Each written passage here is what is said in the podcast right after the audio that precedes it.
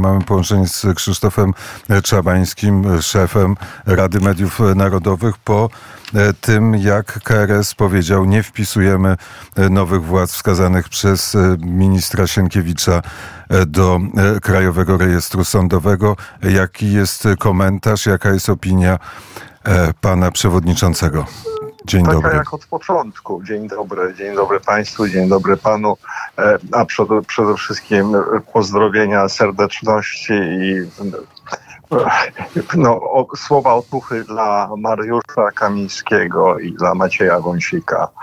E, a wracając do Pana pytania, mianowicie to jest taki sam komentarz jak od początku. Minister Sienkiewicz e, jako walne zgromadzenie działa nielegalnie, bezprawnie, łamiąc wszystkie ustawy i sąd po prostu stwierdza, fakt oczywisty. E, I bardzo dobrze, że to stwierdza.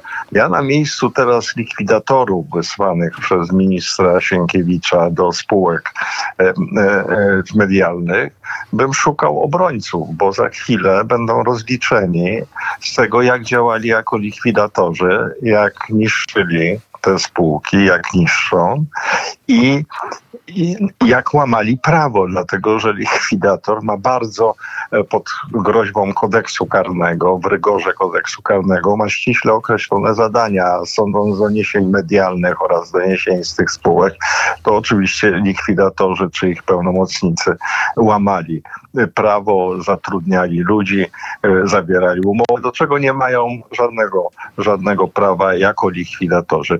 No ale w ogóle jest to rympał prawne, to od początku mówimy i Rada Mediów Narodowych wydała na samym początku działań ministra Sienkiewicza oświadczenia stwierdzające to, że jedyne legalne władze mediów publicznych to są władze wyłonione przez Radę Mediów Narodowych. No i tak to jest po prostu, a wszyscy, którzy działają bezprawnie, mam nadzieję, będą rozliczeni na drodze prawnej przez prawowite władze, jak przyjdzie na to pora.